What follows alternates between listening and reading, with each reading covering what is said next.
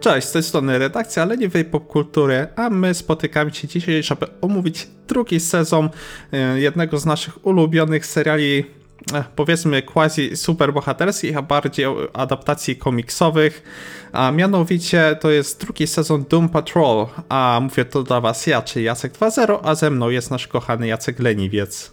No cześć, witajcie ponownie.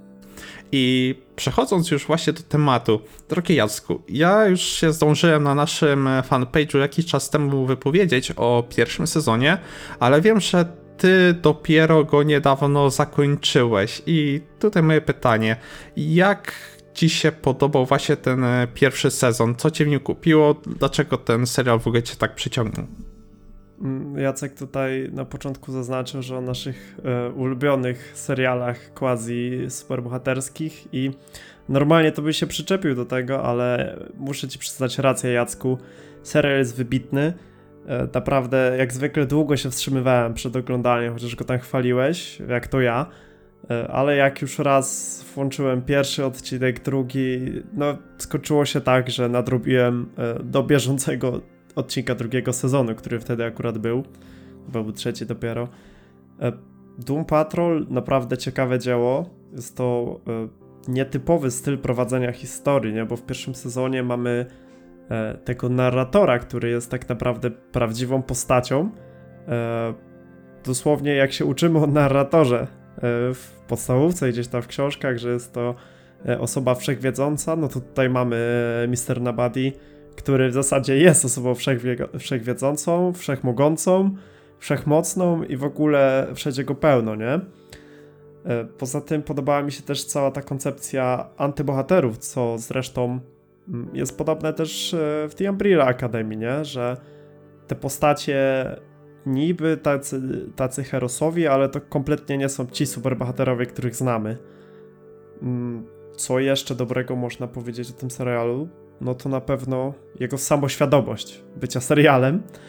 E, no i to w jaki sposób i jak często jest złamana ta ściana ekranu między widzem a postaciami, nie?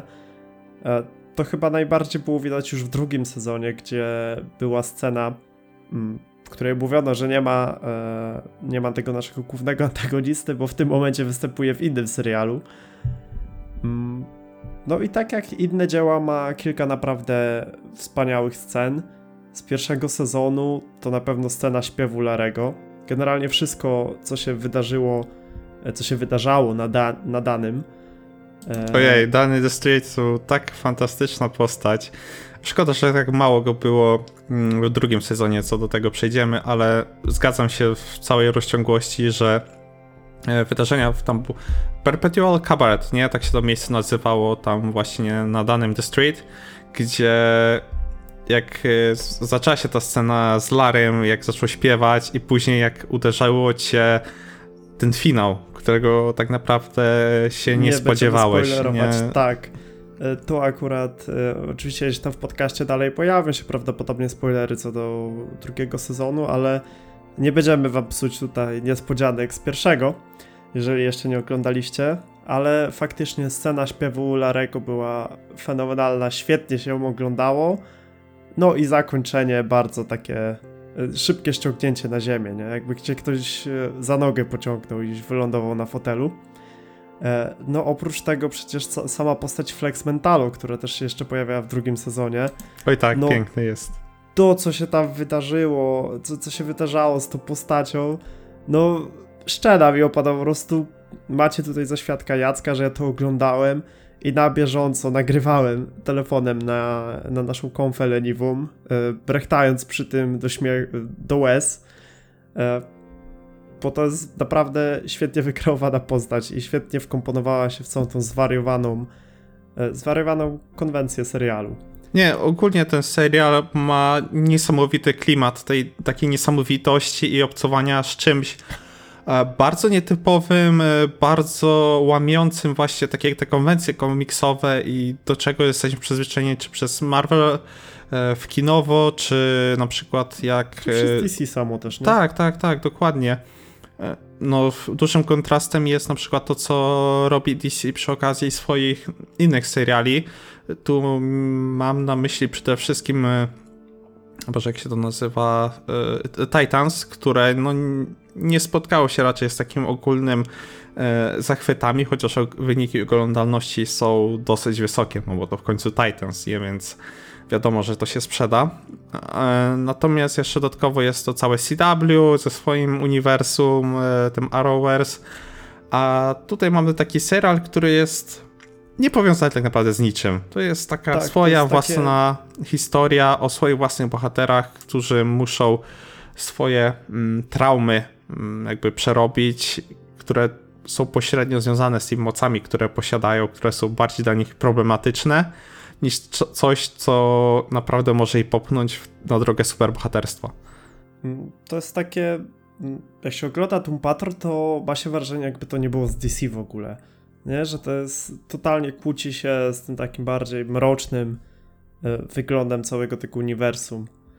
E, to jest dużo komedii, dużo żartów, dużo pokręconych pomysłów. No i chciałbym tu właśnie wspomnieć, że ostatnimi czasy naprawdę ciągnie mnie do takich szalonych, powykręcanych rzeczy gdzieś na granicy absurdu. E, takich jak Dorohedoro, e, no i właśnie jak Tu Patrol, nie? Bo to jest dokładnie ten serial, gdzie e, ciężko spodziewać się tego, co będzie w następnym odcinku, mimo że jest tam, są te główne e, ścieżki fabularne, no to twórcy, i tutaj właśnie szczególnie w drugim sezonie, no przykręcili ślubę i z odcinka na odcinek e, coraz większe takie what the fuck, co tu się dzieje.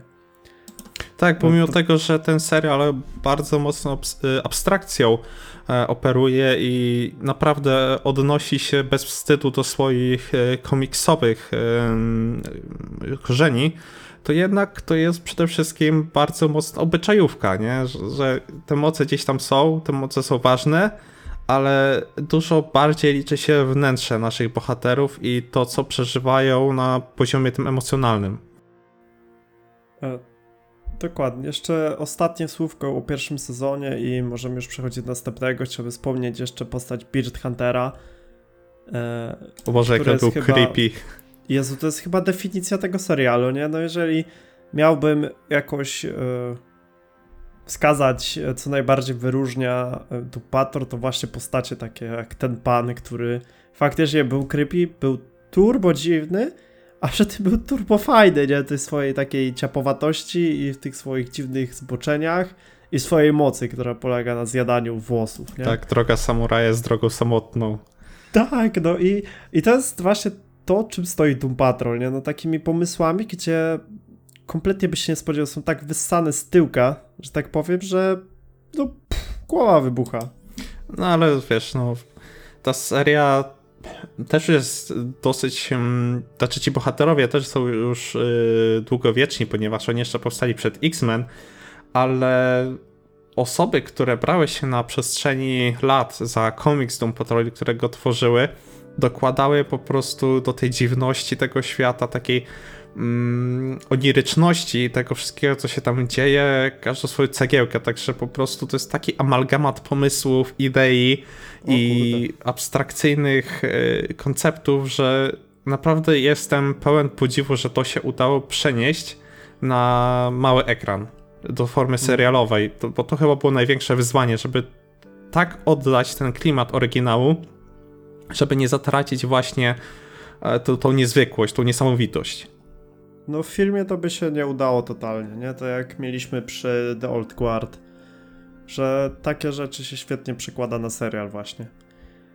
Ale, ale Jacku, skoro ja się tutaj wy, wylałem swoje uciechy na temat pierwszego sezonu, to może ty mi powiesz teraz, co ty sądzisz o drugim sezonie. Jestem zachwycony kontynuacją, jaką jest właśnie drugi sezon Doom Patrol. Nie obyło się oczywiście bez, bez pewnych zgrzytów e, na płaszczyźnie fabularnej, bo o ile same wątki postaci wszystkie bardzo mi się podobały, to co jak e, dalej pociągnięto, jak postacie e, można powiedzieć, na pewnym etapie przeżywają lekkie mm, leczenie tego swoich połamanych żyć i tak jak mm. próbują się odnaleźć tej, tej rzeczywistości coraz lepiej, tym bardziej po wydarzeniach z finału, gdzie ich dotychczasowa wizja świata, tego jak się znaleźli w tym miejscu, w którym są, dlaczego się znaleźli w tym miejscu, w którym są, została bardzo mocno zachwiana i musieli sobie odpowiedzieć na parę pytań, co dalej z tym fantem zrobić, jak do jednej z y, postaci, która występuje w tym serialu, która jest bardzo ważna dla całej drużyny, jak to zaufanie, które nadużyła, mm, może nie tyle odbudować, co swoją relację względem niego dalej prowadzić. Y, Przechodząc do zgrzytów, które nie do końca mm, kupiły mnie w tym serialu, to przede wszystkim było niewykorzystanie potencjału villainów, którzy zostali przedstawieni w tym serialu. E, Dr. Time, który też zniknął w jednym. Był chyba tylko przez jeden odcinek, No, nie? Ja ci się tu wtrącę, Jacek. E, Nasi kochani słuchacze, chyba nie myśleliście, że my sobie darujemy narzekanie. Aczkolwiek w tym przypadku, e, w przypadku tego serialu, w przeciwieństwie do Umbrella Academy, e, nie jesteśmy rozczarowani ani troszeczkę. Tak, Tak dokładnie. Przejdźmy Ten- szybko przez marudzenie. Właśnie o to chodzi, potem że chcemy zacząć od marudzenia, a później będziemy całą resztę chwalić. No. Kto ma wyłączyć, to teraz wyłączy. Ja... O to chodzi dokładnie. Jak właśnie wracając do myśli, no Wilejni byli mm, bardzo fajni, bardzo ciekawie zaprojektowani. Chciałbym ich więcej. Y, Na przykład ta scena z doktorem Time'em, gdzie tam wchodzą, a tam nagle jest impreza, wszyscy na rolkach jeżdżą, okazuje się, że on porywa ludzi z różnych epok, żeby właśnie rozkręcać coraz bardziej tę imprezę. I To po prostu takie... I... Co byś robił, jakbyś miał kontrolę nad czasem, nie? Dokładnie. Czy wiesz, e, to jest tak, ach kurde, opanuję świat, nie? Czy zdobędę władzę nad e, wszechświatem, albo wieloma wszechświatami, albo zmienię tak wszystko, żeby po prostu wyszło na moje, a nie on sobie po prostu ludzi gromadzi i sobie z nimi imprezuje, nie? Nie no, wiesz co, masz nieograniczony czas, no może z, jutro, może po imprezie przejmie sobie świat, cofnie sobie Mhm. znowu czas na imprezkę, nie? No motyw świetny, nie? Motyw No, świetny Tylko było, wykorzystania. było go za mało, nie? Po tym jak misja drużyny, drużyny, która się podjęła, po prostu spotkanie z doktorem Time'em się skończyło, no więcej już go nie wiedzieliśmy. No, drugim no, takim- już nie, nie gadał już kompletnie nic. Mhm. E, Sork, jeszcze chciałbym zostać tutaj chwilkę przy tym, e, że mm, no, że to jest, w serialu jest bardzo dużo takich e, jednoodcinkowych przygód e, i moim zdaniem było ich troszeczkę za dużo, bo część z nich naprawdę nadawała się na przeciągnięcie wątku, Mhm. szczególnie, że e, gdy zniknął Mr. Nobody, no to nie mieliśmy tak do końca jednoznacznego antagonisty, nie? To znaczy, wiesz, się... wiesz co, bo no. w, tym, w tym sezonie bardziej odniosłem wrażenie, że antagonistami są bohaterowie sami dla siebie i dlatego No, zrezygnowano tak, z ale- tego jednego głównego właśnie. Ale myślę, że on też by. W sensie on nawet nie musiałby tam psuć dużo, by po prostu mógł się tam kręcić wokół nich, nie? Żeby Mhm. jednak był ktoś taki, a nie, że był jednoodcinkowym skokiem w bok. Nie, tu się zgadzam, że nie byli do końca dobrze wykorzystani, nie? Tym bardziej, że mm, ich nam głównie tylko przedstawiono, a akcje z nimi naprawdę były bardzo krótkie i odnosiły się tylko dlatego, że jedna z postaci potrzebowała pewnego fortelu, żeby z bardzo nieciekawej sytuacji dla siebie wyjść, co oczywiście się nie udało, ale poznaliśmy właśnie tych przeciwników, którzy może prowadzą w dalszych sezonach, na przykład, Boże, jak się nazywał, e, Red Baron? E, Red Jack. Red Jack właśnie, był fantastyczny, jego design jest tak świetny. Sam zamysł w ogóle, nie? Że taki, taki gościu się nagle pojawił. E, no ale to jest dokładnie to samo, co było przy wątku z Continu... Continuinium. Mhm. Nawet nie wiecie, jak to ciężko sobie to wypowiedzieć. E, że on po prostu się pojawił, e, no i tego samego odcinka zniknął i i elo, nie? I był Mhm. wielkie zagrożenie dla świata, dla wszystkich, które zostało rozwiązane w przeciągu, nie wiem, 30 minut. Znaczy, ja podejrzewam, że jeszcze go zobaczymy, bo on tak raczej łatwo nie odszedł. No tylko, że w tym serialu było go troszkę za mało. Tym bardziej, że miał ciekawą relację z e, szefem, Mhm. I mówię, jego design był świetny, jego moce. Bardzo mi przypominał, e, Boże, jak się nazywali, przeciwnicy z tej serii filmów e, e, Hellraiser, chyba się to nazywali, którzy właśnie czerpali swoją energię, czerpali energię dla siebie z ludzkiego cierpienia, nie? Z torturowania innych. I właśnie on tak samo porywał ludzi, zamykał ich w swojej wielkiej posiadłości i zmieniał ich właśnie w żywe, e, w żywe mm, dla siebie baterie, że tak powiem, które czerpiąc z tego, im bardziej mm, wpływał na ich umysły, im bardziej sprawiał im ból, czy to fizyczny, czy psychiczny, tym bardziej się rozkoszował tym wszystkim. To było dla niego takie najbardziej wykwintne danie. I dlatego chciałbym go więcej. I drugim też powodem było to, że bardzo ciekawy sposób w ogóle się pojawił, nie? Ten motyw z motylami, tym właśnie jak przez wieki on mm, podróżował po świecie i próbował zna znajdywać swoje ofiary, gdzie tam motyw był też, y, że y, o pewnym bardzo popularnym y, masowym mordercy, serial mm -hmm. killer z pewnej epoki angielskiej, że okazało się, że to też był on mówię, było tego też więcej, na przykład ten z tymi, może z tą królową, która też tam miała kurczę, teraz wypadło mi jak się nazywała. O i te idiotyczne pomysły wyciągali z tak, głowy, Tak, nie? tak, tak, tak, Ale dokładnie. to już było... Czekaj, czekaj, jeszcze chwilkę zanim do tego. Red Jack miał świetne podstawy właśnie do tego, żeby dać mu więcej czasu w odcinku, nie? Mhm. Że to nie by, że, że to ok, zrobili z tego one shota, ale przy tym zrobili mu taki zarys historii, że równie dobrze mógłby być przez 3-4 odcinki. Albo być antagonistą akcji. dla całego tego sezonu, nie? No, ale to nawet nie musiałby być na cały sezon, nawet na kilka odcinków po prostu go mhm. rozciągnąć. E, z kolei, no, to co mówisz z tą królową i jej armią, co zbierała głupie pomysły, no to dla mnie to był taki idealny one-shot, nie? Mhm. E, że to jest właśnie, to jest e, gdzieś tam zagrożenie, antagonista, który on się spełnia w jednym odcinku. Wiemy o nim wszystko, co chcieliśmy wiedzieć, e, wiemy do czego dąży, co to mu to daje. No na przykład takim Red Jacku, e, no nie wiemy zbyt wiele też, nie? Nie wiemy jak on powstał, e, wiemy, że kieruje się tam, żeby zbieraniem bólu, ale e, po co tak w zasadzie, ile on to czasu robi, no moglibyśmy więcej o nim wiedzieć, nie? Mhm. Do tego mam nadzieję, bo na pewno będzie trzeci sezon. Po pierwsze, serial ma świetną oglądalność, po drugie, jest fantastyczny, jeżeli chodzi o historię. Więc y, myślę, że spokojnie doczekamy się trzeciego i kolejnych parę sezonów, więc myślę, że i Red Jack powróci i także pozostali przeciwnicy, czy Doctor Time, czy jak był na przykład odcinek z y, tym demonem seksu, nie?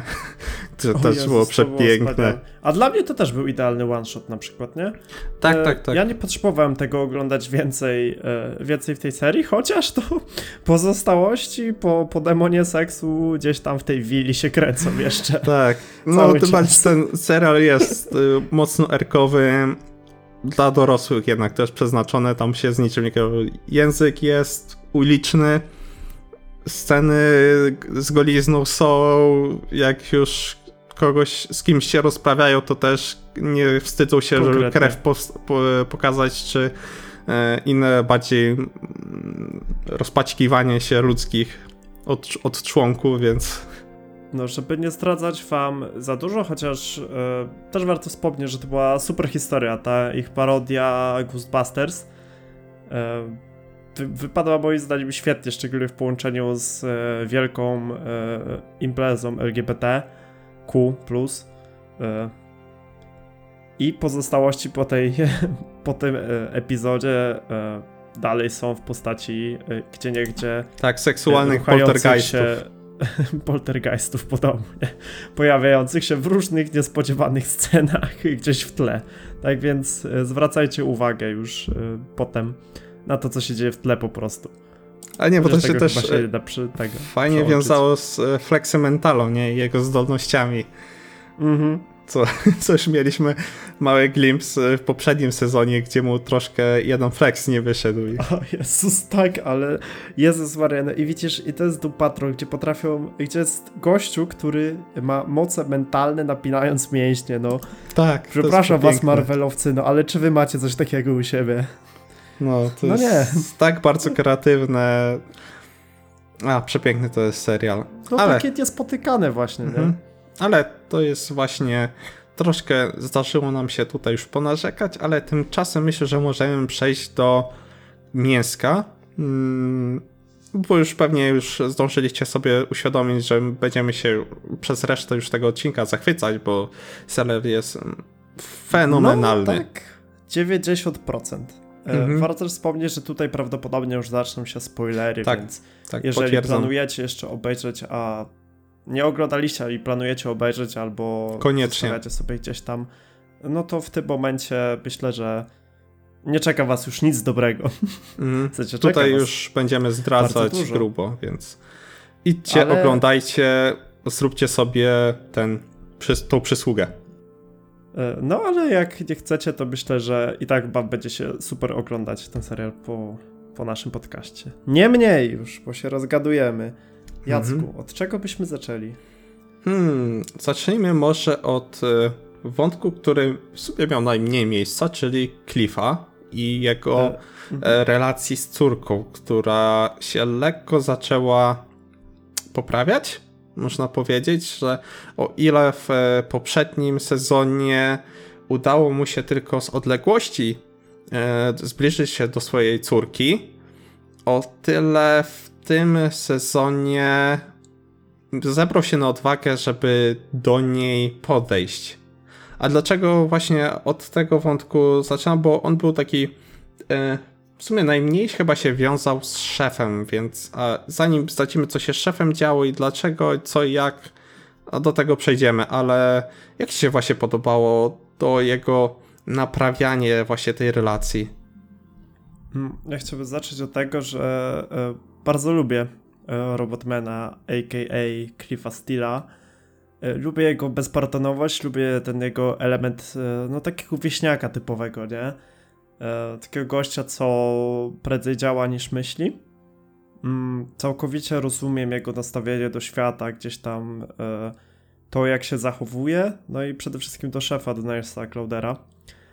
E, bardzo podoba mi się pewna przemiana, jaką przeszła ta postać, gdyż no, był okropnym człowiekiem, nie? póki jeszcze nim był.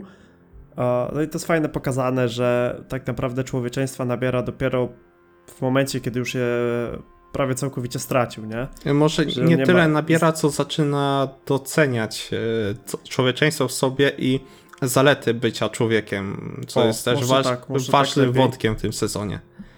No w momencie, kiedy został mu, została mu tylko świadomość, nie? E, bez żadnych zmysłów. E, no i właśnie jest ta córka, która no niestety nie, nie mieli najlepszych kontaktów w pierwszym sezonie. Bardzo mi się podoba to, że Mm, Cliff próbuje z nią nawiązać kontakt właśnie w taki typowy dla niego sposób. E, no, czyli taki bardziej forsujący, taki nachalny, e, nie do końca przemyślany, nie? Ale tak cały czas, cały czas do przodu, nie? Nieważne, co mu tam się rzuci pod nogi, e, o dalej brnie, brnie w ten swój pomysł przywrócenia kontaktu z córką, nawet kiedy ona nie do końca tego chce. Mhm. Ale tak. to wiesz, to się wpisuje w jego charakter, że on nie potrafi sobie ze swoimi uczuciami tak radzić tak naprawdę. Tak. I jeszcze no jako człowiek. Mhm, jako człowiek też właśnie przez to popełnił wiele błędów, że mm, swoimi, że tak powiem, namiętnościami się bardzo kierował, czy do sportu, czy do kobiet, co bardzo jego rodzinę nadwyrężyło, z czego się nie dziwić można. Ale tutaj, kiedy stracił już niemal wszystko, prawie swoje człowieczeństwo, tak jak właśnie wspominałeś, wszystkie zmysły poza świadomością zostały mu odebrane. I jednak zdecydował, że jednak chce ze swoją córką, jedyną pozostałością z poprzedniego życia tak naprawdę, mieć ten kontakt, nie? I tego nie chce zerwać. Chce, żeby to wróciło, może nie w takiej formie, jak było kiedyś, ale żeby utrzymać to, żeby mieć jakiś po prostu punkt zaczepienia. To było bardzo, bardzo ciekawe, to mi się bardzo podobało. Tym bardziej, że po pierwszym szoku, jaki przeżyła jego córka, kiedy po prostu wparował na jej ogródek, zaczął walić do drzwi, się przedstawia, cześć, jestem robotem, jestem twoim ojcem, nie? I... No, to jest takie klifowe właśnie, było bardzo. Od punktu A do punktu B, nie? Zero, zero myśli pomiędzy. Z tym, że teraz te właśnie tą prostolinijność kieruje w taki lepszy, lepszy punkt, nie? Że to niby tam nie radzi sobie ze swoimi emocjami, e, ale koniec końców jest na dobrej drodze, nie? Nie tyle do radzenia sobie właśnie z tymi odczuciami, co dobrym jego je, ich wyrażaniu. W sensie nie wiem, jak mhm. to określić, że w dobrym celu, o, może tak. Mhm. Po prostu w dobrym celu. Tak, Czyli właśnie, żeby odzyskać kontakt z córką. tak, co poniekąd mu się udaje, ponieważ po pierwszym szoku jego córka jednak e, do niego się odzywa. E, Czekaj, bo z tą taśmą pamiętam, że był ten e, wątek, kiedy obejrzała jego wywiady, w sensie Cliffa z szefem. Nie wiem, czy to szef jej wysłał, czy to Cliff jej zostawił tą Nie, kasetę. to chyba Cliff jej pokazywał. Wydaje Tak, mi się, tak. że, że to Cliff jej pokazywał, Mhm. ale możemy się mylić. No Poprawcie właśnie nas w komentarzach. tego właśnie nie pamiętam. Wiem tylko, że e, właśnie ona odzajemniła tą próbę ponownego nawiązania kontaktu między ojciec-córka, właśnie po obejrzeniu tej taśmy, kiedy zrozumiała, co on przeżył, e, w jakiej jest sytuacji i zdecydowała, że jaki był, taki był, swoje wycierpiał może czas jednak i dla niej, i dla niego, aby te, te stracone lata, które nie było go przy niej, może jednak by warto nadrobić. I to było bardzo fajne, bardzo mi się podobało. Mam nadzieję, że tak tego nie zostawią. Chociaż Z tym, że padło tam jedno zdanie, e, już po tym jak się dogadali, padło jedno zdanie i już wiedziałem, że coś pójdzie nie tak. Kiedy Clip powiedział, że e, na pewno pojawi się na ślubie. E, Że, że, że na pewno tam będzie. Ja już miałem takie w głowie. Oj, byczku, takich rzeczy się nie mówi w tak, filmach, a i w serialach. Bo tak, to i teraz i wszystko już jak krew w piach, nie? Już po prostu wiedziałem. No, Tak, od razu końców, krew w piach. E, się nie udało, nie? Mhm. Koniec końców się nie udało. A jakby nie powiedział, to kto wie? Kto wie? No, Tak kto wie. Nie mówcie hop, zanim nie skoczycie e, i wiele innych mądrych przysłów. Ale zacząłem od tego wątku, ponieważ on był e, najmniej związany z tym, e, chyba w sumie co szef. Te fabuły, nie? Tak, z głównym fa- fabuły, tak na uboczu, ponieważ e, zaczynamy tam, gdzie e, zakończył się e, pierwszy sezon, czyli nasi bohaterowie są w małym rozmiarze. Czyli nadal po zmniejszeniu danego The Street, oni nadal są właśnie w wersji swojej miniaturowej, poza Larym. I próbują jakoś się powiększyć, jednocześnie konfrontując się z szefem na temat pewnych rewelacji, które zostały ujawnione w poprzednim sezonie. I to jest bardzo ciekawe właśnie jak się zmienia ich nastawienie do szefa, kiedy się dowiadują, że każde z nich było tak naprawdę częścią jego eksperymentów do tego, aby osiągnąć nieśmiertelność. A dlaczego osiągnąć nie- nieśmiertelność? Aby móc przez wieki czuwać nad swoją córką. Y, Czuwać, w sensie trzymać ją w klatce, Tak. jak to prawdziwy ojciec. Tak, dokładnie. Warto też wspomnieć, że to jest serial nie o superbohaterach, tylko o bardzo, bardzo kiepskich rodzicach. Tak, to jest właśnie główny motyw przewodni tego, przynajmniej tego sezonu, nie? Tak, drugiego sezonu, nie? Że tu wszyscy tak naprawdę mają jakieś niesnaski rodzinne, Coś za mają uszami. niepodokończone sprawy. Tak, że to jest. y, Nikt tak naprawdę nie wychowywał się w dobrym domu, nie był dobry dla swojej rodziny, czy rodzina dla niego. E, No i to śledzimy przez cały sezon. Mhm. Jak e, każdy rozwiązuje swoje sprawy rodzinne. Mhm. Bo taki glimpse co do spraw rodzinnych mieliśmy już w poprzednim sezonie nie przy okazji Larego, czy Cliffa, czy mm, Crazy Jane, gdzie było nam powiedziane, nie, jak ta ich rodzina wyglądała. Mieliśmy już pewne wydarzenia, które się z tym wiązały.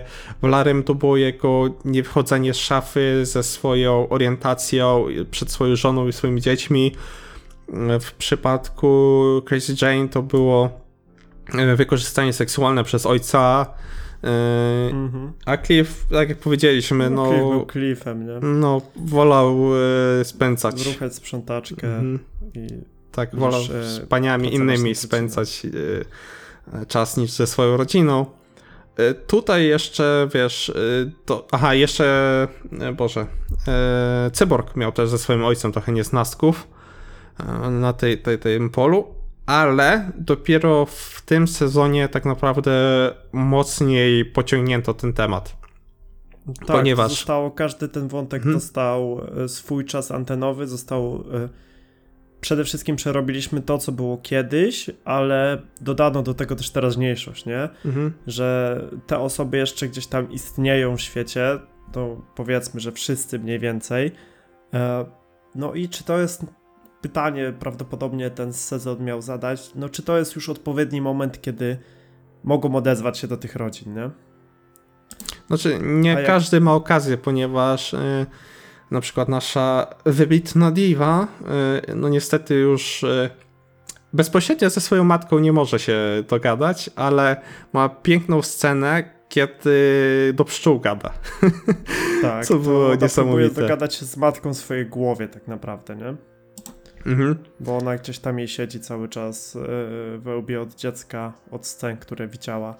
Tak, ale tak Niemniej, e, skaczemy trochę Dobra. po tematach, więc y, Mhm. wróćmy do poszczególnych wątków postaci. Każdy to z ja bym nich... zaproponował w tym momencie e, Larego Trainora.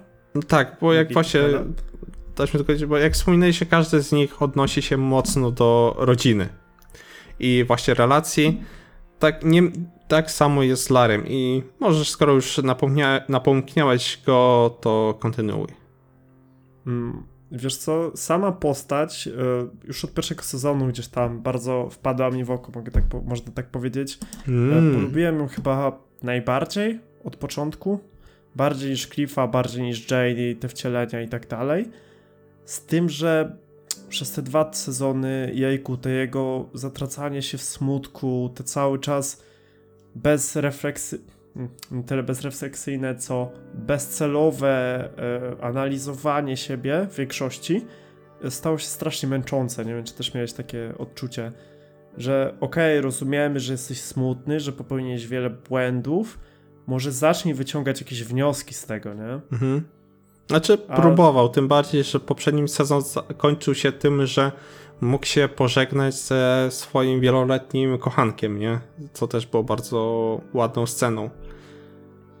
Tak, tylko że, no nie wiem, on podejmuje akcję e, i dalej się zatraca w tym smutku. No faktycznie nie wszystko wychodzi tak, jak powinno wychodzić. W zasadzie nic nie wychodzi tak, jak powinno wychodzić.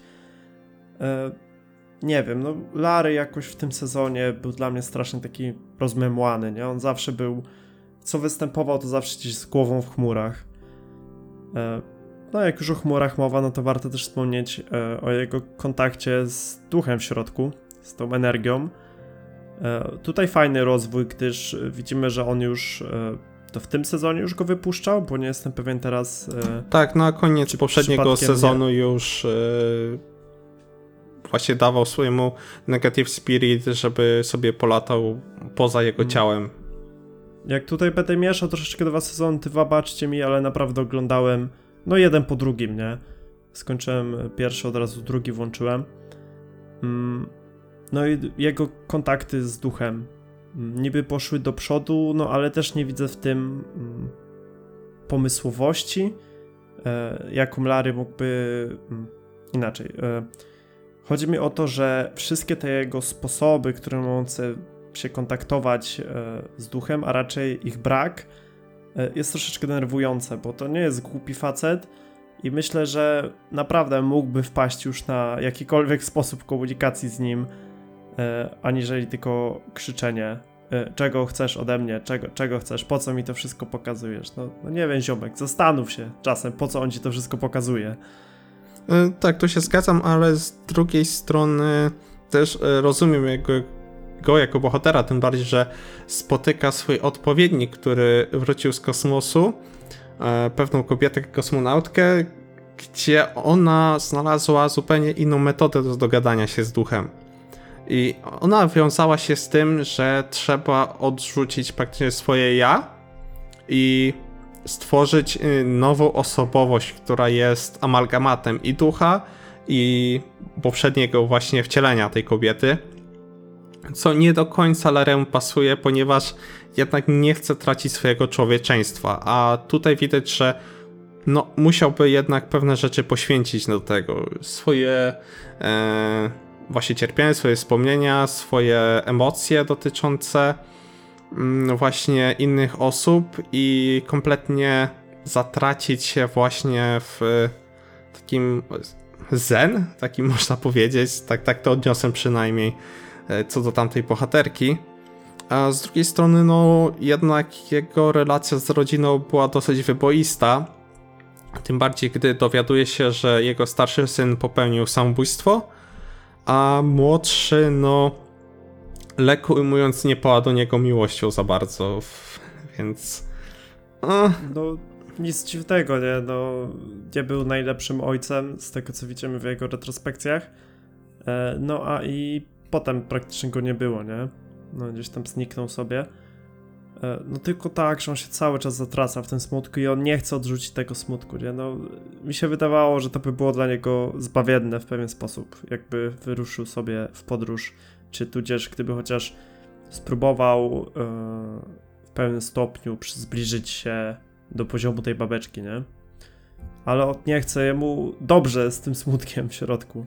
No, Ta, Wiesz takie mam mi się wydaje, że on trochę właśnie a propos bycia ojcem, on za bardzo próbował być ojcem. Za bardzo próbował być takim, wiesz, mm, jestem ojcem i ja cię wychowam, nie? Miejscami, co właśnie tym bardziej e, jego relacje z, z starszym z synów e, nadwyrężało. Kiedy odpuszczał trochę i pokazywał swoją bardziej emocjonalną stronę, wtedy to zaczynało działać. Wtedy właśnie widać było jego miłość do tego dzieciaka, do swojej rodziny i tak dalej. A kiedy właśnie próbował być takim człowiekiem, który chce przekazać jakieś wartości, tak na siłę po prostu pokazać, że dobra, ja cię wychowam, wtedy no wszystko zaczynało zgrzytać i on sam wychodził do takiego dupka, nie? Względem tego dzieciaka. No jak scena, kiedy y, dzieciak mu ten samolot podaje, nie? Zbudowany. Kiedy ewidentnie widać, że wow, tata, podziwiam cię. E, On bierze, bierze ten samolot i mówi, o nie, nie, nie, byczku, silnik jest w innym miejscu. To nie o to w tym chodzi. Chodź, zrobimy nowy, lepszy. Tata ci pokaże, jak się robi lepszy, nie? No to tak nie wolno, nie tak się podchodzi do dzieci, nie? Mhm. No ale też takie, wiesz, wydaje mi się, że to też e, pewna cząstka ówczesnego społeczeństwa, nie? Tak, myślę, Tak że sobie- to też właśnie było przez e, taki pryzmat czasów, nie? W których Mhm. e, właśnie żył Larry i że jednak ideałem ojca był taki ojciec bardziej mm, mniej emocjonalnie podchodzący do swojego syna, a bardziej starający się wpoić mu pewne wartości, pewne modele zachowań i być takim ideałem, nie? Takim człowiekiem z brązu. tak było, wiesz? Hmm? E, W Bojacku tak było niekoniecznie o rodzicach Bojacka, ale o dziadkach Bojacka. Mhm. Ja nie wiem, czy pamiętasz scenę Tak, tak, tak, tak, japońskiego. tak, tak, tak, gdzie To jest było dokładnie, dokładnie to miałem w głowie, nie? tak, właśnie Kiedy dziadek... no dziadek uciekł praktycznie przed odpowiedzialnością, nie, że to nie są czasy, kiedy facet musi się przejmować uczuciowością kobiety i swoich dzieci. Tak, no, że traktował jak przedmioty za bardziej, nie? No, ale wtedy też tak trochę było, że dzieci, dzieci bardzo długo traktowano po prostu jako własność rodziców. No, ale o pedagogice chyba kiedy indziej porozmawiamy. A to jest właśnie bardzo mocno związane, nie, z tym serialem. Szczególnie z tym No, sezonem. Pewnie No miał, też, to mógłbyś napisać cały artykuł, nie, że pedagogikę, pracę a, licencjacką. a nie, to się zgadzam. To, dos- dokładnie można by oprzeć jakąś pracę, nie, na podstawie Doom Patrol, szczególnie tego drugiego sezonu. No, no, myślę, że y, jako y, pedagogika w pewnym sensie y, myślę, że dałoby się jak najbardziej. E, tak, jeszcze, Niestety nie dla mnie. Jeszcze wracając właśnie do kolejnych postaci, to nasza wielka diwa aktorska również miała pewien swojego rodzaju beef ze swoją zmarłą matką, gdzie korzystając z usług e, Flexa Mentalo, Usług. to jest bardzo dobre właśnie słowo, usług, Tak. Na, pięk, na pinki. no pinki, e, zapytała go, czy może wywołać u niej dosyć rozkoszny orgazm, który mm, przywróciłby jej pewne wspomnienia, które wyparła. A wiązały się o No, tym, które że ze, kiedy była dzieckiem, kiedy zaczynała swoją aktorską karierę, no zobaczyła, że jej matka wspiera ją w tym w dos, dosyć niekonwencjonalny sposób, a mianowicie Jaca bardzo wiesz słowa, no matka się puszcza, żeby córka dostała rolę, elo. Tak, no. Krótko i na temat. tak, krótka piłka. No dosłownie, tak jak Jacek tutaj powiedział, matka da, sprzedaje swoje ciało, żeby córka po prostu lepiej sobie w castingach e, radziła. No dostała rolę, Co nie? skrzywdziło właśnie tego, tą młodą naszą bohaterkę na dwóch płaszczyznach. Po pierwsze właśnie na płaszczyźnie jej seksualności, a po drugie na płaszczyźnie jej wiary w swoje siły, nie? W to, że ona może być swoją własną bohaterką, może sterować własnym życiem bez potrzeby do uciekania się w pewne fortele, nie? Bo już widzieliśmy w To się no. E, Ponieważ już w pierwszym sezonie też widzieliśmy to, jak również sama korzysta ze swojego ciała, żeby pewne role pozyskać. I tutaj tym bardziej to rozwinięto, że jej pewność siebie została bardzo nadwyrężona. Mm, Tutaj mieliśmy w serialu do czynienia z syndromem oszusta. E, Tam nawet to było nazywane, oczywiście. E, No, czyli właśnie to, co powiedział Jacek, że brak wiary we własne osiągnięcia i tak dalej. E, No i to wyparła jej matka, która pomogła jej bardzo mocno zyskać pewną, e, zyskać rolę.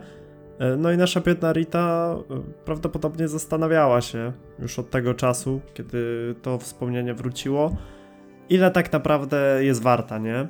Co ona potrafi zrobić sama. No i na przykład moim zdaniem w tym sezonie dostała bardzo pozytywny rozwój w tę stronę. Mm, Pokusiłbym się nawet o stwierdzenie, że najlepszy rozwój Mhm. Postaci samej w sobie, nie? W tą dobrą stronę.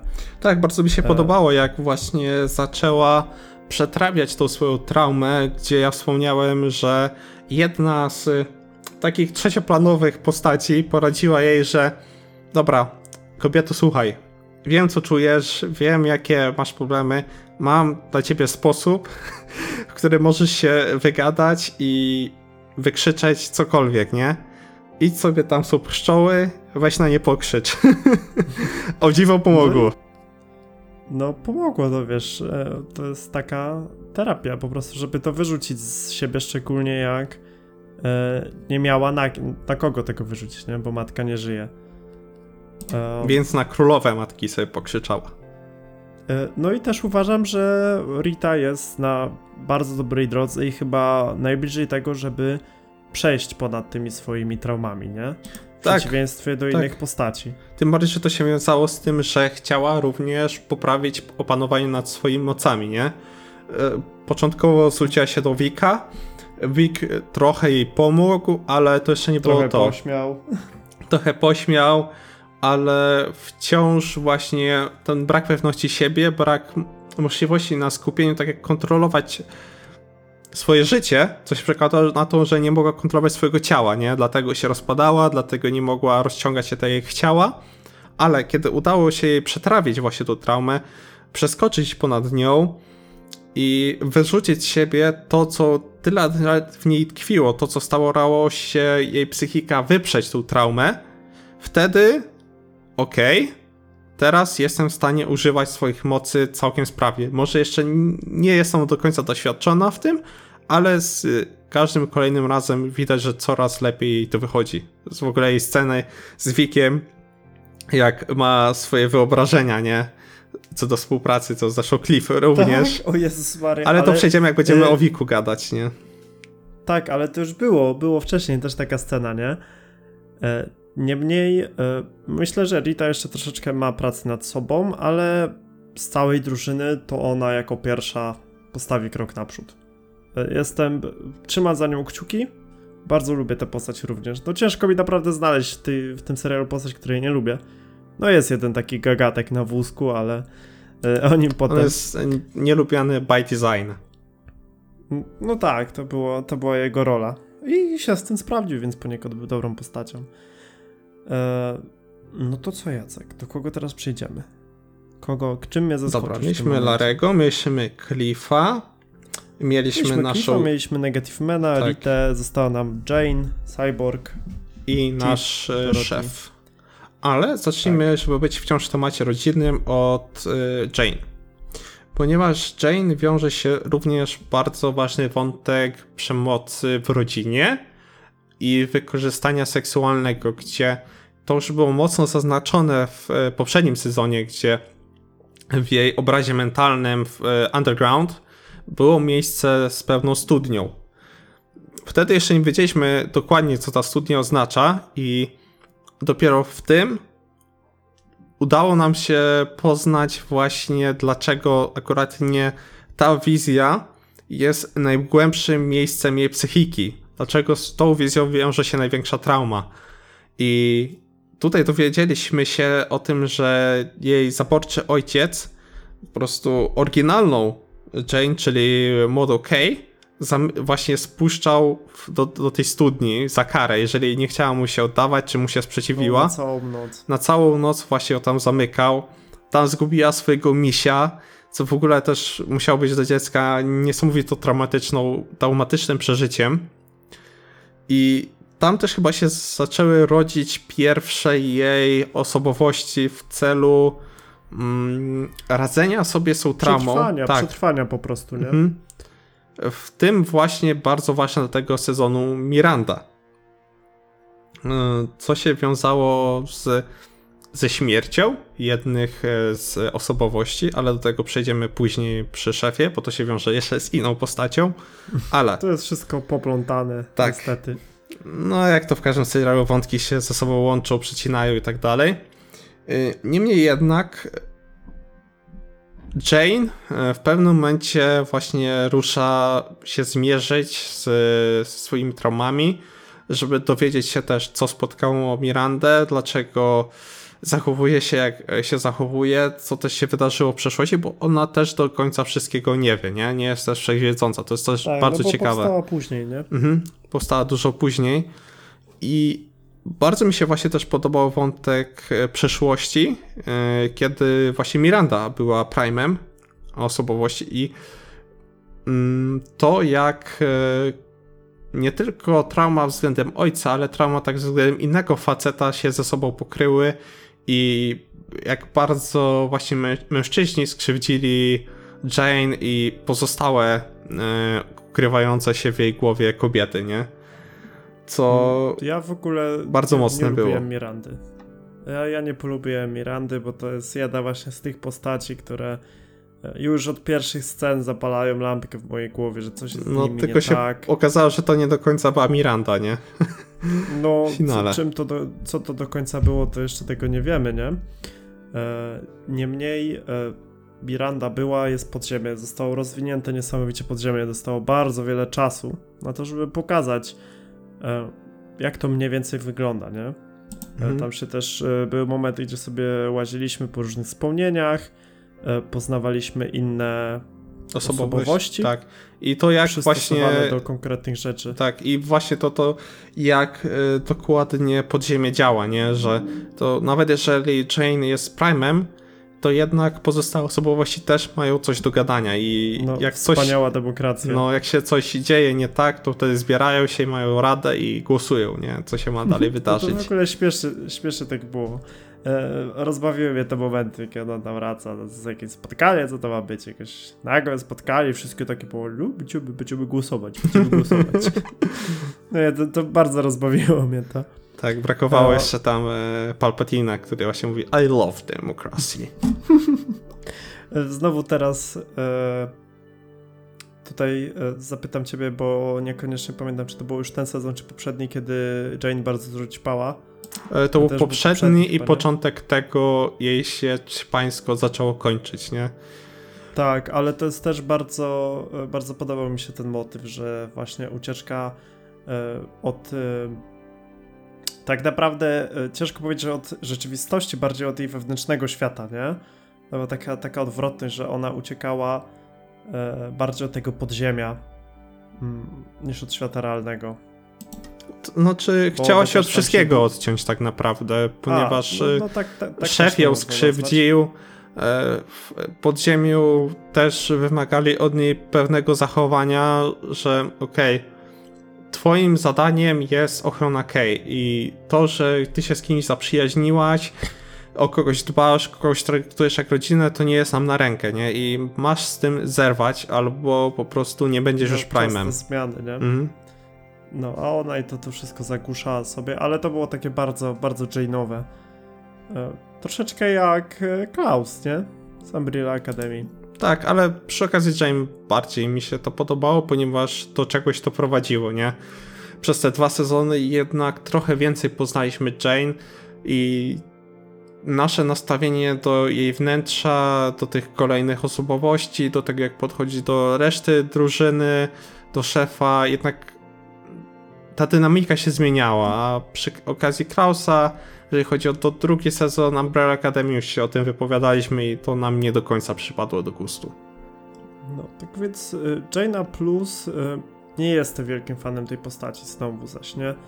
Że mm, no nie wiem, wolę oglądać przygody Cliffa czy Larego niż Jane. Y, Okej, okay, dostała bardzo dużo czasu ekranowego w tym sezonie po prostu. Mam nadzieję, że w przyszłym okej, okay, wątki zostaną pociągnięte, bo to są bardzo ważne wątki i swoją drogą też bardzo ciekawe, ale mam nadzieję, że będzie jej troszeczkę mniej.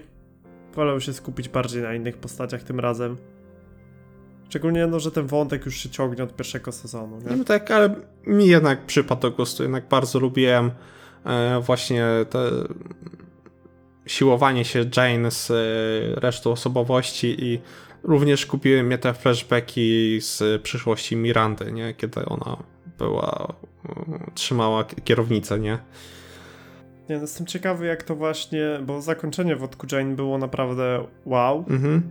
E, jestem ciekawy, jak dalej to pociągną, w którą stronę, co, co z tego się e, rozwinie. Tak, bo e... z tego, co nam zasugerowano, to ojciec prawdopodobnie jakoś zhijackował jedną z osobowości Jane i próbuje jakoś od środka, nie? Przejąć władzę nad córką. Rozwalić, no i to, to jest y, coś, co było sugerowane wcześniej, nie? Cały powrót Mirandy, która teoretycznie rzuciła się do tej studni i już z niej nie wyszła. A nagle wróciła.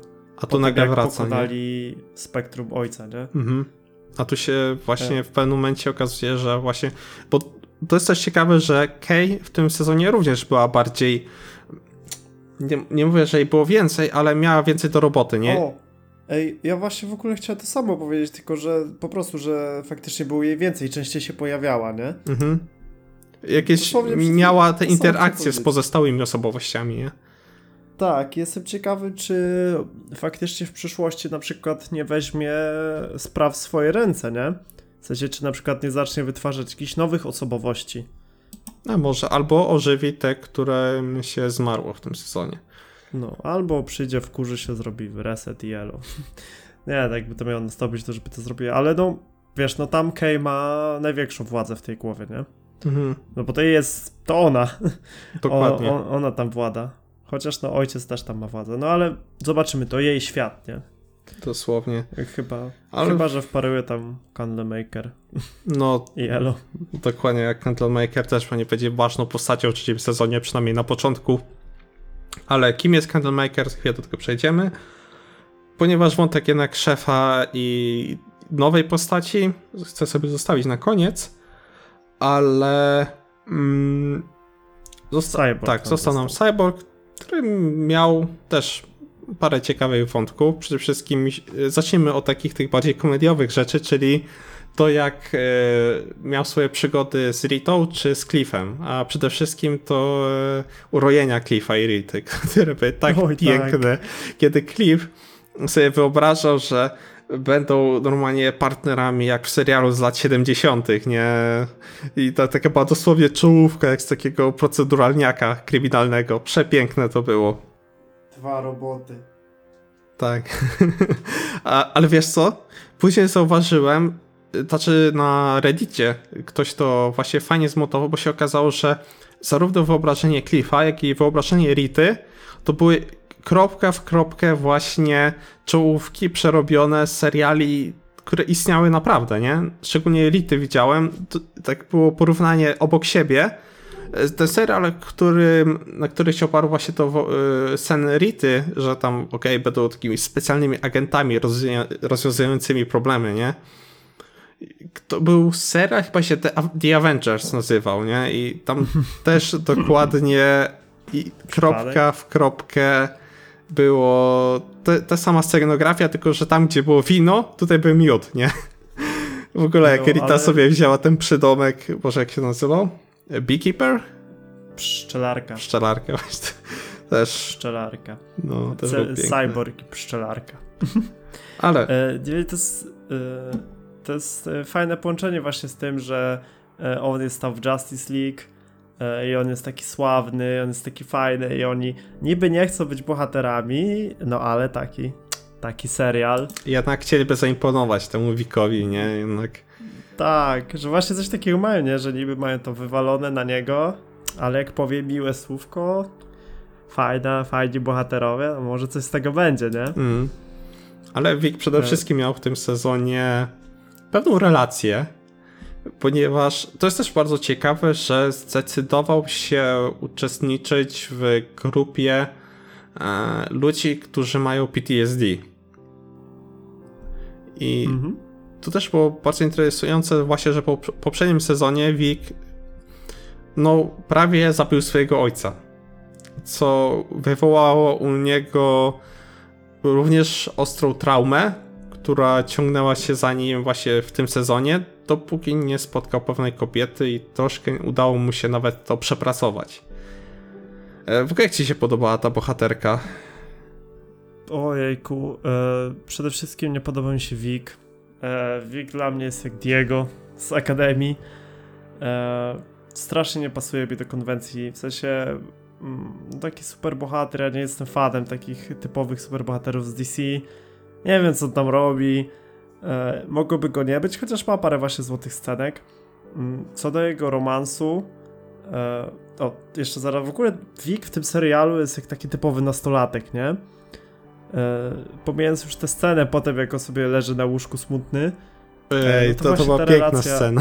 Jak to tam właśnie odpali sobie smutne piosenki o miłości, ma serce Tak, załamane, leży, uuu, rzuciła mnie. Straciłaś, no. I tak sobie śpiewa pod nosem. No ale to jego, właśnie ta relacja z tą babeczką to mi przypominało takie, nie wiem, pierwsze kroki nastolatka w świat miłości. E, sama postać babeczki, e, no nie wiem, ja się bym z nim nie umówił. tak po prostu. No, E, dosyć specyficzna osoba. mi się, że... Co? Yy, Mówię, że specyficzna osoba, która ma bardzo niepokojącą przeszłość i się nie dziwię, że początkowo Wik również miał pewne obiekcje do tego, czy no, czy to jest odpowiednia kobieta, z którą chciałby się wiązać. No, dokładnie, ale na przykład bardzo podobało mi się to, że jak miała okazję zmienić coś w swoim życiu, no to nie bała się po to sięgnąć, nie? E, czyli gdy ukradła te pewne e, No i tak, no to, to, że to jest baba w spodniach, to tego się ukryć nie da, nie? Że Tak, jednak no, ona wie, miała- wie dobrze, co chce, wie dobrze, jak e, to osiągnąć i no nie zawsze używa do tego właściwych metod i czy takich, które są dobre dla ludzi z jej otoczenia, no ale co Myślę, poradzisz? że nabroi nam w przyszłym sezonie jeszcze. E, myślę, że dopóki e, ona jeszcze posiada flakonik e, z, z tym wyciągiem, to jeszcze, jeszcze będzie gdzieś się tam kręcić. Znaczy ona nie zużyła tego flakonika, żeby się uleczyć tak całkowicie i móc kontrolować te moce, które jej zostały brutalnie odebrane, żeby w jakiś sposób je przywrócić. Tak to zrozumiałem, może jednak O kurczę, nie wiem, powiem ci. e, Bo ja też nie przykładałem jakiejś wielkiej uwagi do tego wątku, bo no, tak jak mówiłem, to nie jest moja ulubiona postać. Mogło być tak jak, e, tak jak mówisz, ale wydaje mi się, że jeszcze jej zostało trochę tego. Że ona. właśnie, W sensie, wydaje mi się, że ona to tylko po te moce właśnie wzięła. właśnie nie wiem, czy to tylko było jednorazowo, musiała zaszyć jej to całkowicie na, na amen, przy, przywróciło zdrowie, czy jednak musi cały czas to brać. To, to tego właśnie nie pamiętam dokładnie. Może ja też to coś kręcę tak, tutaj. że ona po prostu sobie tego łykła, to łykła, no i ma supermoce na jakiś czas, nie? To znaczy nie tyle, co ma, co przywróciła swoje ciało do poprzedniego stanu, nie? Dokładnie. E, Ale To to nie wiem, zobaczę co będzie, co będzie z tym dalej. E, sprawiła, że Wik miał kilka fajnych scen. Mhm. E, no i po, przyszła, poszła. Tak. Dla mnie nie musi wracać, ale No, pewnie wróci. Vic miał dużo bardziej rozwinięty wątek w poprzednim sezonie, gdzie jego konflikt z ojcem był tak, on bardzo miał istotny. antenowy wcześniej. Tak, a tutaj yy, to miłość, to odnajduje kogoś, kto akceptuje jego ciało, co też w sumie No, było bardzo ważne, nie? no. Dla niego, ponieważ no, cały czas ma na tym punkcie kompleks, że no, nie jest do końca człowiekiem, pomimo tego, że lubi swoje moce i aspiruje do bycia w tym, tej Justice League, yy, to jednak no przeszkadza mu to. No to nie jest to, To co pewnie do końca życia chciałoby być w takim ciele. To jak Tindera używał, nie? Tak, to było E, w poprzednim było tak. sezonie, no. Jak sobie odpalił Tindera, a potem podglądał babeczkę w autobusie. To było, to było creepy. Mhm. Ale To było takie, dude, what you doing? tak, ale w każdym razie no widać po nim, że jednak te kompleksy względem no gdzieś tam nim tkwią. To jest też e, No interesujące. to dziesiąty raz, no to jest bardzo nastolatkowe. Hmm. Jego wątki są takie bardzo nastolatkowe. No zresztą jest, jest też dużo młodszy od pozostałych bohaterów, nie? Jak Dokładnie tak. reszta to jest XIX wiek, gdzieś tam międzywojnie i tak dalej, więc No, e, no stare dziady jeżdżące autami. tak, starzy boomerzy, a tutaj wiesz. Millennials. No. E, No to chyba dobra, tyle to o przechodzimy- I teraz chyba mamy najbardziej prominentny wątek. Mianowicie, tak jak w poprzednim sezonie właśnie już było zatizowane, do Dub Manor, czyli do, do, na Hawirę naszych bohaterów, przybywa nowa bohaterka, a mianowicie jest to córka e, naszego szefa, czyli Nasza Dorothy. Mała urocza paskuda. A i Dorothy jest absolutnie cudowna. Uwielbiam ją jako bohaterkę. Ona fajne ma maniery. E, takie właśnie takiej młodej damy, dojrz- dojrzewającej, co jest też bardzo istotne w jej wątku. A jednocześnie jej relacja z ojcem jest jednocześnie bardzo słodka i bardzo gorzka. A to się wiąże z tym, że o ile daszą się bardzo dużą miłością i widać, że o siebie dbają, o tyle nasz e, Calder ma no niestety nie do końca zdrowe podejście do swojej córki. Bardzo by chciał ją zachować właściwie w formie małej dziewczynki, żeby nigdy nie dojrzała, żeby zawsze się mógł nią opiekować. Co więcej, e, rozumie także, że jego córka jest bardzo niebezpieczna. Jej moce są, można powiedzieć, nieograniczone. Tak naprawdę, ponieważ odnoszą się do jej wyobraźni i gdyby chciała, prawdopodobnie by mogła stworzyć cokolwiek, co by się jej zamarzyło. No i ciąży na niej też pewna klątwa rodowa od strony matki, z którą też się będzie musiała zmierzyć, ale do tego za chwilę. Ale niemniej jednak najważniejsza jest właśnie relacja Dorothy z jej ojcem, nie? I także jak reagują na, nie, na nią pozostali bohaterowie. Tym bardziej, że no Dorothy długo była odcięta od jakichkolwiek kontaktów z innymi ludźmi, nie? Była no trzymana pod zamknięciem, powiedzmy sobie szczerze. Dokładnie, y, dokładnie tak było, jak mówisz, wytłumaczyłeś praktycznie cały wątek Dorothy z drugiego sezonu, Jacku. Na pewno wszyscy są ci za to bardzo wdzięczni. E, dla Ostrzegaliśmy. Dorothy była po prostu... Dla mnie e, Dorothy była po prostu dzieckiem. E, niczym więcym. Była taka mm, po prostu no niewinne dziecko, które, na którym ciąży pewne brzmie, brzmienie, na którym ciąży pewne brzemię, którego losu sama sobie nie wybrała, nie wybrała sobie ojca, nie wybrała sobie matki, e, a jednak musi taść ten krzyż na plecach, e, a raczej świecznik. E, I to właśnie mówiłeś, jak reaguje na nią inne postacie, że, mm, że są tacy oschli dla niej, nie? Tacy, no właśnie gorzcy, jak użyłeś, że e, widzą w niej tak naprawdę, no ojca, tak? Nie postrzegają jej jako po prostu odmiennej osoby, tylko jako córkę tego ciula, co nam zepsuł życie.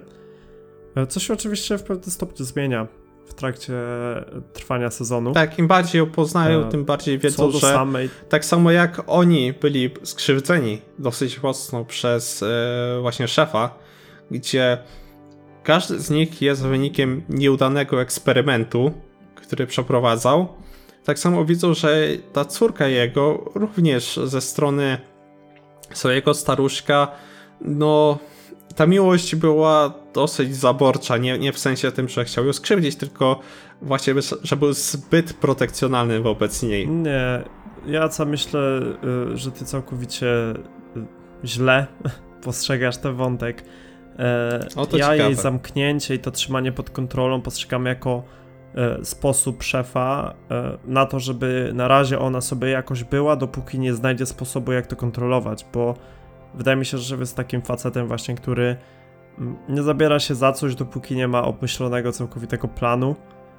E, No a on po prostu nie mógł znaleźć sposobu, e, jak sprawić, żeby e, i Wilk City i owca cała, nie? Żeby świat przetrwał, ona przetrwała.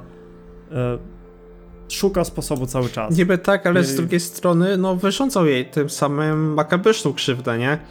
Kiedy na przykład przebywała przez długie, długie dziesięciolecia na udanego, które był tak naprawdę dla niej pewnego rodzaju więzieniem, gdzie ona mogła słyszeć, co się dzieje, te zabawy, widziała poniekąd e, sylwetki tych ludzi, którzy się tam bawią, ale w niczym nie mogła brać tam udziału. Cały czas jak- świat ograniczył się do tego jednego tego pokoju, nie? I do rzadkich no, spotkań nie, z nie ojcem. wyglądała na No ale bardzo, bardzo skrzywdzoną. znaczy, no, wydawało mi się, że jednak dosyć mocno to podkreślali, że jednak lgnęła do tych ludzi i nie do końca jej się to podobało, że cały czas musiała właśnie być trzymana pod tym kloszem. Ufała swojemu ojcu, okej, poniekąd rozumiała, dlaczego tak jest, ale wciąż jednak cierpiała, nie? Tym bardziej na przykład jak już y, w Doom Manor się mm, w nocy wyrywa do tego, żeby jednak pobawić się z pozostałymi da- y, mieszkańcami Dining the Street, czy próbuje nawiązać swoje relacje z innymi y, właśnie mieszkańcami domostwa. Trochę tak, no ale na przykład w porównaniu z taką Kay, e, ty no, no nie wiem, no 100 lat w piwnicy, e, jak dla mnie to jest troszeczkę za mało jej krzywdy wyrządziło, jeżeli możemy tak to nazwać.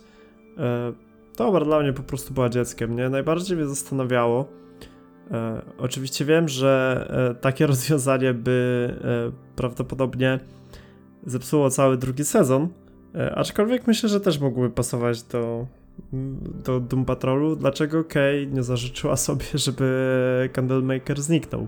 Dorothy, nie Kay. Tak, Dorothy, przepraszam bardzo. E, Dlaczego nie zażyczyła sobie, żeby, nie wiem, żeby on przestał do niej całkowicie gadać, żeby przestał się z nią komunikować, żeby zniknął?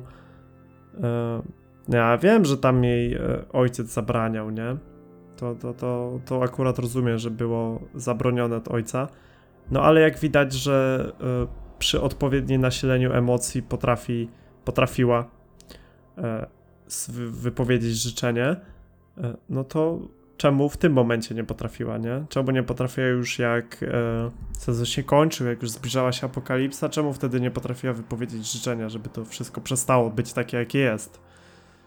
To znaczy, wiesz co, ja nie wiem jak daleko też sięgają moce, nie, Candlemakera, a po drugie, Potrafi wejść w głowę niby e, do podziemia. tak, ale z drugiej strony też częściowo Dorothy rozumiała, że niekontrolowane wykorzystanie jego zdolności i tych życzeń y, również nie jest y, do końca dobre, że wie, że są konsekwencje tego, nie? że kiedy zmuchnie tą świeczkę i pomyśli swoje życzenie, już tego nie cofnie.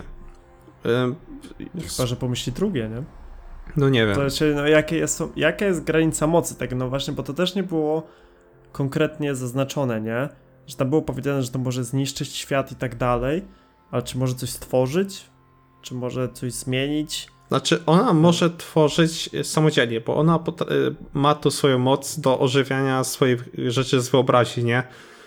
E, Taki, Tak, ale czy może, czy Candlemaker oprócz tego, że może niszczyć, to czy potrafi też, jeżeli życzenie będzie takie, że chciałaby, nie wiem, żeby dany stał się wielką wieżą Eiffla, no to czy Candlemaker potrafiłby coś takiego zrobić, nie? No właśnie, nie, nie bardzo wiemy, granic, czy rzeczywiście... Nie było granic tego życzenia.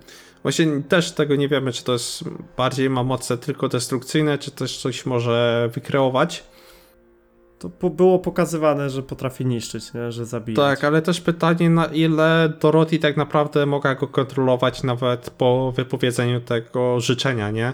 I czy Candlemaker w ogóle chciałby, nie? Bo odniosę takie wrażenie, że on pojawiał się tylko wtedy, kiedy ona była zagrożona i było mu na rękę, żeby jej pomóc, tak naprawdę. Mm, no, mo, bo, mo, możliwe, że tak było, no w tej... Nie no, no faktycznie, jak tak teraz sobie myślę o wszystkich momentach, kiedy, yy, kiedy on się pojawiał, yy, że faktycznie mógł to wychodzić wtedy, kiedy miał na to ochotę. Mhm. No nic, niestety sezon się urwał w takim momencie, a nie innym, gdyż brakuje tam jednego odcinka, prawda Jacku? Tak, okazało się, że nie udało się przez właśnie całą hecę z koronawirusem dokończyć e, tego sezonu i zamiast planowanych 10 odcinków zakończyliśmy sezon na odcinkach 9 na dosyć mocnym I... cliffhangerze. Tak, który odcinek, który zamknął nic, całkowicie nic.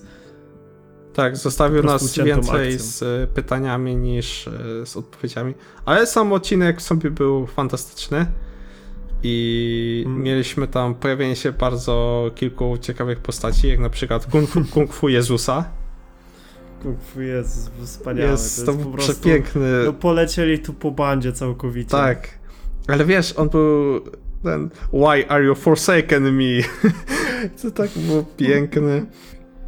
Jak on tam właśnie Jesus. zaczął tam, w ogóle to był związany z postacią Cliffa, nie? Bo ten cały, cały ten, ten finałowy odcinek wiązał się z tym, że Candlemaker przejął moce Dorothy. Myślę, że jak, o, przepraszam Jacku, że ci przerwę, myślę, że jeżeli ktoś oglądał ten sezon, e, to już wiesz, czym się to łączył. Przepraszam, że się tak wetnę, ale mówimy już dość długo i myślę, że jak ktoś dotarł do tego momentu, już obejrzał ten sezon. Tak, tak. Tak więc był e, wspaniały Kung Fu Jesus. Znaczy, chciałem który... się tylko właśnie do tego, że właśnie Cliff ze wszystkich ludzi, jego wymaginowanym przyjacielem był Jezus. Co to tak, tak mnie zaskoczyło. Chciałem, właśnie to jest to piękne w tym serialu, nie? Że oglądasz, o, myślisz, że okej, okay, mniej więcej zdaję sobie sprawę, gdzie to pójdzie, nie? A to nagle ci Jezus z kopniaka wyskakuje i, rozpier- i urywa rękę yy, Cliffowi, nie? E, do, ale to było takie bardzo cliffowe, że jeżeli ktokolwiek miałby dostać e, Jezusa, e, to właśnie Cliff, nie? No, ale pojechali mocno po tym i te wszystkie gierki słowne, które się tam pojawiały, mhm. te wszystkie nawiązania, miłowaniu bliźniego, moim zdaniem sztos, no uśmiałem się przy tym, tak. nie będę kłamał. Nie, każdy z bohaterów miał bardzo fajne spotkanie ze swoim przyjacielem z dzieciństwa, poza Larym, który się okazał, że był na tyle sztywny, że w swoich... Że nie tak, Że w jego czasach, nie, to w jego czasach, nie, nie. Ja myślę, że. I Rita też miała fajne. Po prostu taki męski od urodzenia. Tak, i Rita też miała bardzo fajne, ponieważ tym bardziej jej postać rozwinęło. To mi się też podobało. Tak, ta postać Rity też była fajna. I jeszcze tak właśnie e. na koniec, sam szef. To jest postać bardzo niejednoznaczna, że tak powiem, mm -hmm. to tak lekko mówiąc. Bardzo łatwo byłoby powiedzieć, że jest dupkiem, ale to nie byłaby do końca prawda, nie? Że kurczę, e, rozumiem jego motywację, i rozumiem, co zrobił, ale czy mm, jedno z drugim się zeruje tak naprawdę? Ale wiesz, on jest no takim strasznym hipokrytą, nie? Że okej, okay, dobra, tu skrzywdziłem was, próbuję to naprawić, a tak naprawdę cały czas myśli tylko o swoim własnym interesie i ty, dobra, rozumiem, że o swojej córce myśli, nie? I że chce jej przede wszystkim zapewnić bezpieczeństwo, mhm. Ale z drugiej strony daje nadzieję naszym bohaterom, a później odbiera, ponieważ okej, okay, coś innego, coś jest ważniejszego i tak, i tak główna, manipuluje nie? też nimi, nie? Cały czas, pomimo tego, że tak, obiecuje, obiecuje, że no. się poprawi, że będzie lepiej, a tak naprawdę cały czas nimi po chamsku manipuluje. I to strasznie w taki właśnie dupkowy sposób, nie? Że właśnie cały czas do tej córki się odwołuje. E, jakby była dla niego tak ważna, że ją zamknął na 100 lat. w danym. Mhm. E, Jak na przykład po tej pięknej scenie, gdzie miała Dorothy z e, Robotmanem, tam na tym jednym z księżyców, czy coś takiego, gdzie Cliff był tam lepszym rodzicem dla Dorothy niż e, szef przez całe jej życie, tak naprawdę chyba. No to, ale to też było jako taki redemption Cliffa, nie? No bo w niej widział swoją córkę. Tak samo jak w Jane widział Kay. E, Taki, taki był już jego urok. E, Niemniej bardzo mi się podobało, jak e, wszystkie plany, tak jakby szefa zaczynały się sypać. To było takie, taka przyjemność dla mnie, że nie musi dostać w pierdzielu od nikogo, ale że wszystko co robi koń... się nie udaje, nie? Tak, a nie udaje się dlatego, że był plany. dupkiem dla każdego dookoła. Tak, że, że, że, że w końcu to zbiera jakieś swoje żniwa e, i e, cały czas gdzieś tam prosi o pomoc, że już sobie nie daje sam rady, nie? Tak, i za każdym razem, kiedy prosi o to pomoc i nawet ją otrzymuje, to niedługo po tym się w dosyć bardzo nieprzyjemny sposób odwdzięcza.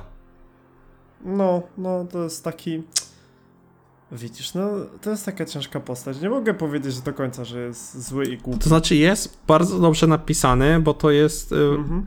Wzbudza skrajne emocje bardzo, tak, nie? bo jak to właśnie chyba Łukasz Stalmach to dobrze po, chyba go porównywał w jednym z swoich materiałów, że to jest taki jaki y, y, Boże, profesor X bez skrupułów żadnych. I muszę się z tym zgodzić, ponieważ on jest kompletnym jest kompletnym e, egoistą, kompletnym aroganckim dupkiem. To, że to mówię, to jest bardzo dobrze napisana postać. Wszystko, co się z nią wiązało, było bardzo dobrze napisane, bardzo in character, ale się po prostu, jakbym ja dopuścił do niego na wyciągnięcie ręki, to bym chyba nim potrząsnął. E, to jest. E, no właśnie to jest to, że on działa na widzów tak, jak miał działać, nie? I. E, ojejku. Brakuje mi słowa znowu. Dobra, zrobisz tu cięcie, ja co już jestem zmęczony, kończmy to powoli. Dobra, ty tam skończyłeś, że, żebyś go tam wyszarpał, nie? To teraz Tak ja powiem, że. Mm. No i właśnie, że to jest e, sztuka dobrze napisanej postaci, że nawet w swoim ne- negatywnym wydaniu potrafi bardzo wpłynąć na emocje widza. I to nie tylko te negatywne, nie? No bo kurczę, jakby nie patrzeć, te wszystkie jego e, okropne sceny, który mówił, że kocha swoją córkę, no to jednak czasami łapały za serduszko, nie? Że pomimo tego, że jest takim dupkiem, to jednak. Nie, ja w to wierzyłem, rozumie nie? w pewien sposób, ile jest. To pokazuje, ile jest po prostu w stanie poświęcić dla tej córki. Tak, ja to wierzyłem, że tą córkę kocha i jest w stanie zrobić dla niej wszystko i wiele poświęcić. Z- To była ta dobra strona jego właśnie charakteru, że rzeczywiście no to jednak to uczucie było prawdziwe, ale no, jak je okazywał i jak to wpływało na relacje z innymi ludźmi i właśnie to, że dla córki tak naprawdę poświęcił życie każdego z naszych bohaterów, mm, no cóż rzec. Mm, Cóż, to bywa. Shit E, happens. czego się nie robi dla córki, nie? No i co? Chyba przebrnęliśmy już przez cały ten serial. E, czy jeszcze chciałbyś coś dodać, Jacku? Raczej nie. Serial zakończył się na grubym, grubych cliffhangerach, ponieważ, No, on nie powinien się tak zakończyć. No? To Zacznijmy od tego. ponieważ i wątek właśnie Jane zakończył się cliffhangerem, jak i wątek Dorothy zakończył się cliffhangerem i no, E, no i ślub, czekamy na córki. rozwinięcie, nie? No, a, no tak, racja, rzeczywiście, Cliff obiecał, że pojawi się na ślubie córki, a się okazuje, że został zamieniony w figurę woskową. Tak, e, dlatego nie, wo, nie wolno mówić, e, że na pewno się wszystko uda. No nic, no to powiedzcie, jak wy oceniacie drugi sezon Patrol? Jak wam się podobał? Które, które sceny zapamiętaliście naj, najlepiej? Które zapamiętaliście najgorzej? E, który rozwój postaci przypadł wam najbardziej do gustu, a kogo najchętniej byście tam począsnęli? E, no i możecie również napisać, czego spodziewacie się w trzecim sezonie. E, Bo my spodziewamy się chyba dalszego pociągnięcia po prostu poziomu taki jaki był, gdyż serial ma naprawdę wiele świetnych momentów, tych złych nie zalicza tak wiele. Postaci ma multum do wykorzystania. Cóż, czekać tylko na to, co nam twórcy dostarczą, nie Jaca? To składnie, to jest wybitnie dobry serial, jeżeli chodzi o adaptację komiksów. Obok yy, chyba, jeżeli miałby do czegoś porównywać, to tylko Legion od e, stacji FX. Tak bardzo mi przypadł do gustu. To może też pora nadrobić. A warto, bo właśnie trzeci, ostatni sezon wpadł na HBO Max, tu, na HBO Go i można całość obejrzeć już. A, no to ja mam, mam. Zobaczymy. Może, może jeszcze usłyszymy się niedługo w podcaście o Legionie. Mhm, polecam bardzo. A tymczasem będziemy już kończyć. E, Jak słyszeliście, jesteśmy cały czas zachwyceni. Jacek, jako że dopiero nadrabiał tak, ten ani serial. złego słowa nie powiedzieliśmy. Tak. No, nie ma. Proszę, nie, nie, nie hejtujcie. No, nas. już, już się nam oberwało za parasolkę ze wszystkich stron. Ale, ale, ale. E, Nawet mama krzyczała. Dziękujemy za wysłuchanie nas, a to była redakcja Leniwej Popkultury, którą reprezentowałem ja, czy Jacek 2.0, a ze mną był Ja, czyli Jacek 1-0. Dokładnie. Dziękujemy za. Do usłyszenia. Do następnego razu. Papa. Cześć, trzymajcie się.